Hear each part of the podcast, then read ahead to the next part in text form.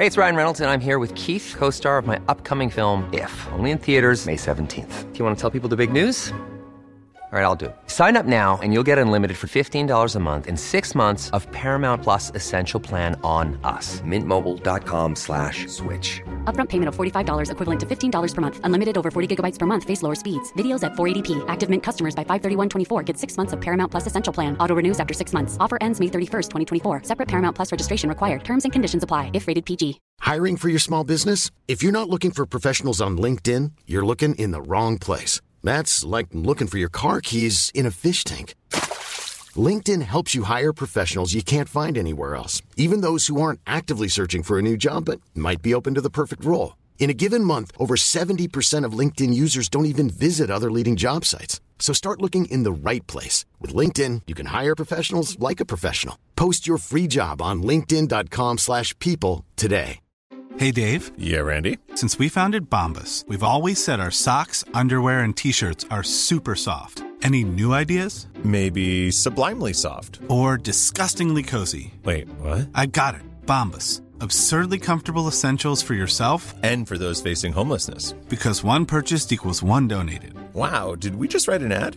Yes. Bombas. Big comfort for everyone. Go to bombas.com slash ACAST and use code ACAST for 20% off your first purchase. Du lytter til en podcast fra TV2.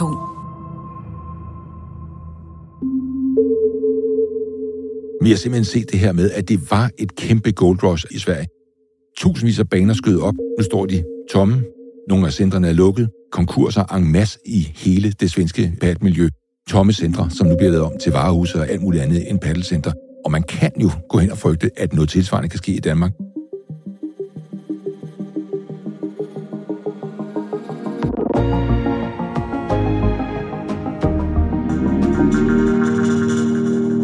Markedet har virket umætteligt. Lige nu oplever en for mange nok ukendt sport massiv fremgang i Danmark. Der er tale om sport. Antallet af paddelbaner i Danmark er eksploderet fra 100 i 2019 til nu at ligge op imod 1400, og hundredvis af nye baner er allerede planlagt.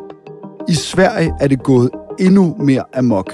Landet nåede sidste år 4.200 baner, men den seneste tid er boblen bristet med stribevis af konkurser i paddelcentre og paddelvirksomheder. Dato i dag handler om en ekstremt hurtigt voksende sport, der måske også er vokset for hurtigt, og hvad prisen kan blive for det. Mit navn er Joachim Claus Høj Bindslev.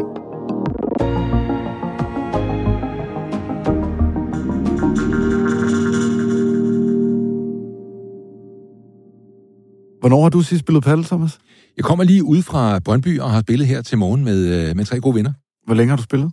Jeg har spillet i øh, 10 år. Det er jo før, der var nogen, der overhovedet vidste, hvad paddle var. Hvis du er egentlig det første, der startede her i Kongeriget, er du så øh, helt oppe i, i toppen i Danmark? Jeg ved ikke, hvad der skete. Altså, øh, de piskede forbi mig, dem jeg har introduceret det her øh, til. Ikke? Altså, Thomas Sønniksen er reporter på TV2 Sporten. Semifinale, Thomas Sønniksen. Du befinder dig i uh, Stockholm. Her dækker han blandt meget andet tennis og paddle. Hvad er det for en udvikling, vi har set de seneste år her i Danmark, når det handler om paddle? Vi har i hvert fald set et gold rush. Altså, øh, og bare lige for at springe tilbage. Fordi for 10 år siden, jeg vil sige, jeg kendte alle dem, der stod og spillede paddle. Nu er det jo et kæmpe marked. Det er både her og fru Hansen, mænd og kvinder. Det er ung som gammel, som kommer for at hygge sig med at spille paddle med hinanden. Og nu skal vi til en sportsgren, som stormer frem i Danmark. Nye baner skyder op overalt, og der kommer flere og flere spillere. Det ser måske ikke ud af meget, men det her plastikbur på Odense Havn er lige nu i meget høj kurs. Vi er fuldstændig bil af det. Der er slet ikke noget at komme efter. Det er Michael Laudrup. Jeg spiller en del, jeg spiller en del paddle. Det er kronprinsen, så det er alle. Og derfor er der jo også bare kommet baner. Og det er både i Nørre Snede og i Nørre Nisum, og det er også i København. Det er alle steder i Danmark. Fortællingen herhjemme er stadig, Thomas, at det er en sport i vækst, men i Sverige ser vi et helt andet billede. Hvis man skal sige det kort, hvad er det så, der er sket hensideren? Jamen, der så vi bare det her med, at i Sverige tog de det til sig. De tog paddle til sig to-tre år før at vi overhovedet kom i gang med det her. Og øh, det blæste afsted simpelthen som en steppebrand ud over øh, det ganske land i Sverige. Alle skulle spille det. Og i coronatiden, alle skulle ud og spille det, fordi det var noget af det, man kunne komme til at spille og dyrke. Og man nåede op på at have øh, godt og vel 700.000 paddelspillere i Sverige. Det gjorde så, at alle kapitalfonde tænkte, hey, der er penge i det her. Fordi vækstraterne i, på det der paddle i den der coronatid var simpelthen så eksplosive, så jeg tænkte, det her det er simpelthen noget, vi er nødt til at kaste vores penge i. Og lige pludselig så var der, altså, der var nærmest iskoldt i alle paddelcentre i Sverige. Det døde bare på en eller anden måde lidt ud for en masse svenskere. Det er jo ikke totalt dødt ud, men det er bare langsomt men sikkert faldet lidt fra hinanden, for der var alt for mange baner. Vi er nede i, at nogle steder, der kan man komme til at spille fire mennesker for 40 svenske kroner. Wow, der er ingen penge i det. Tag os lige med ind i sådan en paddelhal. Altså, hvordan ser den egentlig ud, hvis man ikke lige har været der? At sige, at der dufter af paddel, det gør der ikke, men der lugter af paddel. Og det, der er med det, det er, at det er øh, folk, der sveder en masse. Lyden af paddel er bolde, der ryger ind og ud af vægge, og der er høj lyd faktisk. Og man kan næsten ikke tale sammen inden imellem banerne.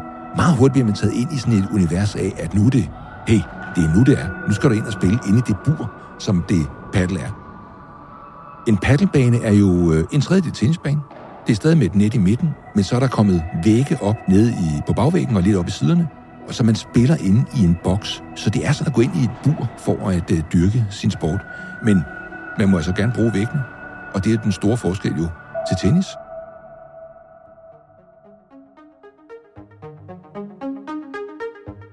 Hvis man troede, at hypen havde ramt Danmark, så gik det endnu vildere for sig i Sverige. Paddelcenter på paddelcenter blev opført. I 2019 var der 560 paddelbaner i Sverige. Sidste år var tallet 4.200. Sporten blev i Sverige kendt som en decideret kendisport, og mange sportsstjerner åbnede deres egne paddelcentre. Blandt dem verdensstjernen Zlatan Ibrahimovic.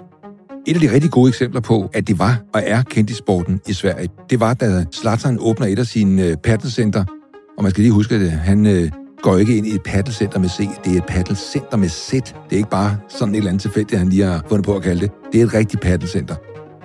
Der finder han ud af, at han skal jo have en åbningskamp, som ligesom kan give lidt genlyd.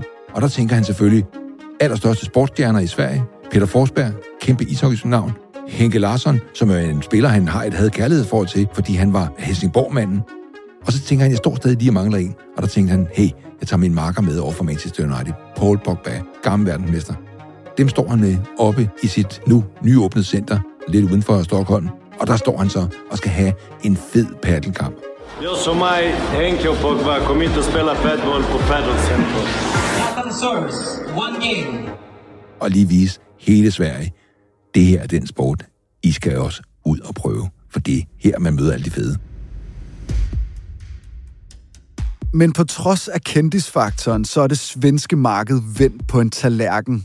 Alene det sidste år er mellem 500 og 800 baner lukket i Sverige. Jamen det vi ser her, det kan man sige, det er jo det der med, at vi har et funklende flot paddelcenter, som er bygget for grunden, og pludselig så er man simpelthen nødt til at lave det om til en lagerbygning. Kigger man så op til en smuk og fin by op i Jönköping, pludselig står man med 400 baner. Og derfor kan du sige, at man så står med en halv lige pludselig, og der ikke kommer nogen, ja, så er der ikke andet for, end at dreje nøglen om. Nu er det altså fine paddelcentre, som er bygget for grunden, som så bare bliver lavet om til en lagerbygning eller en tyrkisk Det var så meget et gold rush der i Sverige. Hvad er forklaringen på, at det er crashet så brutalt i Sverige?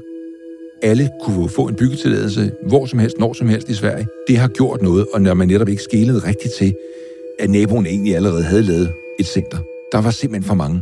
Det er en stor del af det. Og så kan man bare sige det der med, at øh, det er simpelthen drømmen om det der med, at jeg er ham, der laver økonomien og pengene.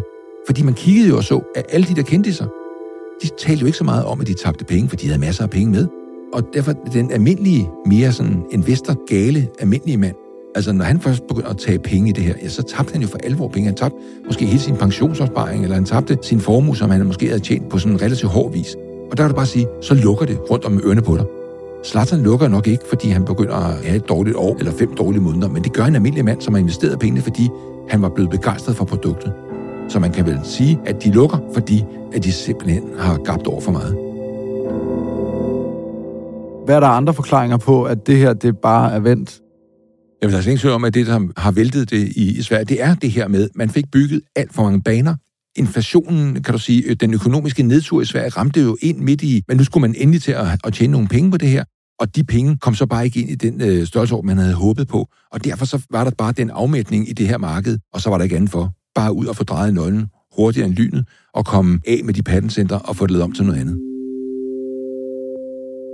Er der andre forklaringer på, at svenskerne, fornuftige og korrekte og alt muligt som de er, har kastet sig ud i noget så snot dumt som at bygge så mange baner? Man kan i hvert fald sige, at når en af verdens førende revisionskontorer og konsulentbyråer, Deloitte, kommer ud med en rapport en gang om året, og i rapporten for et år tilbage fik fortalt, at det svenske marked nærmest var umætteligt, så var der ingen grund til ikke at sætte sine penge derhen. Og det har folk gjort i Sverige i meget, meget stor stil, fordi alle vil have en bid af kagen.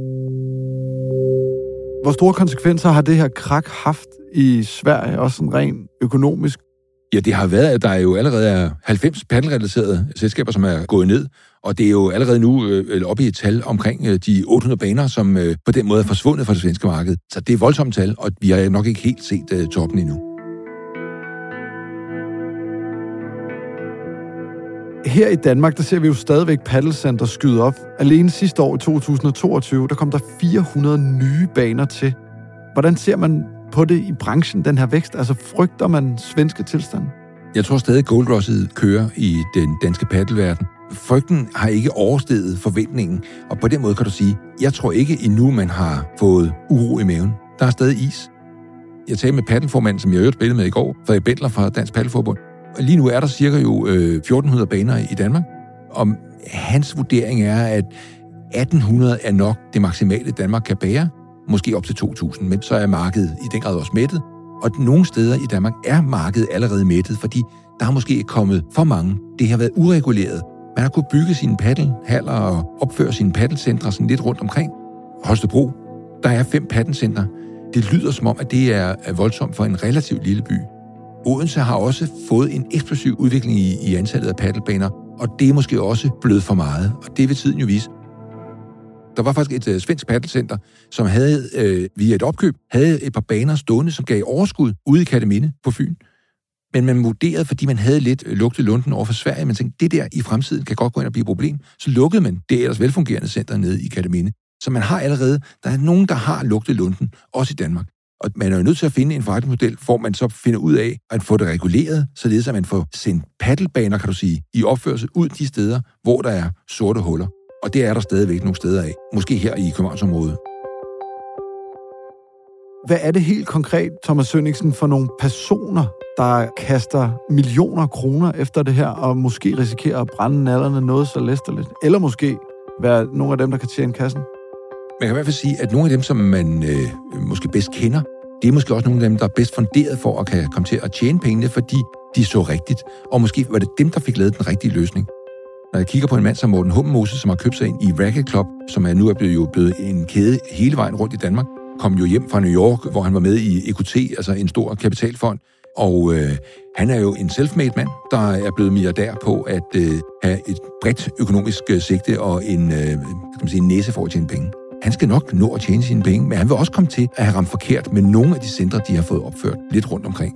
Brian Sørensen, som jo i tidens morgen opfandt øh, uh, kultsodavanden, har bygget de centre, der hedder Paddle Paddle. Stor respekt for det. Han har taget det helt ned fra bunden. og har bygget paddelcentrene, har haft et formål med at have 10 meter til loftet, have den gode luft inde i centret, og i øvrigt lave det meget ensartet i de centre, han, han har. Det er sådan nogle typer, man jo øh, både kan håbe og tro på, at de nok skal få deres forretning til at køre, men øh, de har ikke plads til, at der pludselig kommer lavkonjunktur og ingen mennesker ude i centrene, fordi så har de bundet for mange penge op på, på de bygninger, de har. Hvor kritisk er det egentlig, hvis man må lukke sit paddlecenter? Altså, øh, jeg tænker ikke, man bare lige kan lave det om til en øh, gymnastiksal, eller... Ja, man kan sige, det der jo skete, det var, at da man startede op, der kiggede man efter industribygninger med højt til loftet. Og så fik man etableret et paddlecenter der. Der kom et paddlecenter ude i Ballerup, i, nede i Industrikvarteret. Der kom det ud på, på Kløvermarken og så videre, altså andre steder, som jo er sådan pop-up ting, som så kører, når det lukker ned og så videre, hvor man lige har højt nok til loftet. Og det kan du sige, det koster jo ikke så meget. Den bygning kan man jo lave tilbage til det, det var. Men nu har vi bare set her på det seneste, at folk, som har lavet et paddelcenter, har købt ind på tanken om, at der skal være helst minimum 10 meter til loftet, fordi det giver den fede fornemmelse, når man står og spiller. Og så pludselig står man måske med noget, som man ikke rigtig kan bruge til andet end paddle. Og det vil jo selvfølgelig give en udfordring, hvis man skal lukke sådan en type center. Skal man dreje nøglen? Det er ressourcespil. Når du beskriver det, Thomas, 1.400 baner indtil videre i vores lille land. Formanden for Paddelforeningen, han siger, ja, der kan nok være 1.800, måske 2.000. Altså, vi skal huske på, at der var ingen baner for få år siden. Så Sverige, som er ufattelig meget større end os geografisk, der bor knap dobbelt så mange mennesker, 4.200 baner var alt, alt, alt, alt for meget for dem. Er det ikke bare et spørgsmål om tid, før der er nogen herhjemme, der virkelig bare tager en hulens masse penge? Det kan man frygte. Men vi har ikke set mætningspunktet nu. Der er ingen tvivl om, at der er stadigvæk en paddel guldfeber. Der står nye grupperinger, der er klar til at rykke ind med baner. Og de har bestemt sig for at komme ind på det her marked. Så derfor der er ingen tvivl om, at folk tror på, at de har lige præcis det lille edge i forhold til de andre. De kan lige lave lidt højere til loftet, lidt bedre faciliteter rundt om, whatever der skal til. Og det tror de på kan være det, der kan gøre, at de netop kan få succesen, frem for dem, der var der i forvejen. Hvordan vil man forsøge at undgå, at vi i Danmark havner det samme sted som i Sverige, hvor det er krakket godt og grundigt? Jeg synes, at øh, når jeg taler med øh, formanden for Dansk Paddelforbund, at øh, der er nogle gode tanker om, at vi skal se, om vi kan få fremelsket en elite, som måske kan bringe det op på et niveau, som vi kender det fra dansk badminton primært, og måske også nu til dels, hvor vi nu ser Holger Rune, der funkler i, i tennis. Altså det med at få noget elitecenter. Tanken om, at den skal have en dansk elite, det kunne godt blive det næste step, og det at udvikle talenter. Men det vil jo tage generationer, inden at vi ser en dansker i top 50. Altså, det, bliver ikke i min levetid, og det bliver heller ikke i, i din finansielle. Hvad vil det kunne gøre? Altså at have en Holger Rune, Karoline Wozniacki i paddeludgave? Den fokus, der vil komme på, at vi nu skulle til at følge og finde ud af, om Per eller Emil eller øh, Katrine var dygtige til at spille paddel, det ville gøre, at vi lige pludselig ville få fokus på det, og vi ville øh, i den grad, i højere grad, gå ud og søge og blive så gode som nogen, vi kendte fra Danmark det vil betyde rigtig meget. Det synes jeg, man kan se i øh, de sportsgrene, hvor det har været sådan, du ved, der er helt klart i badminton, er der jo en badminton-effekt af gamle spillere som Erland Kops og Flemming Dels og Line Køben, og nu også selvfølgelig Victor Axelsen. Det vil betyde noget for at løfte sporten yderligere. Hvad med selve forretningsmodellen? Altså, svenskerne oplever et kæmpe krak lige nu. De er et par år foran os, kan man sige, ikke? Hvordan undgår vi, at det bliver en stor øh, konkursfest, det der foregår lige nu? Jeg, jeg tror, at det, som er den helt store udfordring for, for danskere generelt, det er, at øh, vi er ikke nødvendigvis vant til at betale pay and play. Det er vi nu blevet med patent i høj grad. Det har meget været pay and play, og når man fik kigget ned i sit budget, hvis øh, banken ringede og sagde, du bruger ikke for mange penge, og man kom til at se, at man nu havde man brugt altså op imod 10.000 kroner om året på at spille patent, så kan det godt være, at det er et af de steder, man begynder at overveje, om man kunne gøre noget. Så forretningsmodellen fremadrettet for dansk patten vil nok i langt højere grad være, at vi skal ind i en foreningstanke, så folk betaler et fast fee om måneden for at kunne komme og spille på nogle udvalgte tidspunkter. Vi ved jo, at særligt sådan mellemledersegmentet altid skal have et eller andet at kunne gå op i og bruge deres tid på, når vi andre vi bare arbejder, ikke? Du spottede paddle allerede tilbage i 2013, Thomas. Hvad bliver det næste store herhjemme? Hvis jeg for alvor så kunne pege det ud hver gang, så, så skulle jeg måske finde mig et helt andet job og sidde bare der og være rådgiver for en eller anden. Men man kan sige, det er klart, at middelklassen skal selvfølgelig have den sport, de skal have. Og øh, det, der ligger det, der ulmer, kan man sige, fordi det er jo, og meget kommer jo fra USA, det er pickleball. Og det er jo en afart af det her med paddle. Det er bare uden væggene. Så på den måde kan man sige, det er lidt billigere at etablere. Det bliver stadig spillet hen over et net. Man skal være fire. Så det er sådan et lille, lidt sindrigt, øh, sjovt, finurligt spil. Kæmpe stort i USA. Bliver spillet på Venice Beach og andre fine steder. Og øh, mit feed på Instagram, det bliver nærmest øh, dænget til med øh, Andre Agassi og John McEnroe, der står og hygger sig med at spille det her pickleball. the hands if I'm... Uh... Altså to af tennisportens allerstørste legender. Vil du investere i det der pickleball? Altså, du ved, hey, hvis Andrew Agassi øh, og John McEnroe kan stå og spille det, så kunne jeg også spille det. Det er jo den tanke, man kan få der, når man er en anden halvtyk øh, middelklasse som mig, ikke? Thomas Sønnesken, tak fordi du kom. Selv tak. Dagens program er tilrettelagt af Emil Laversen, Ida Skjærk står for lyddesign, Astrid Louise Jensen er redaktør, og mit navn er Joachim Claus Højt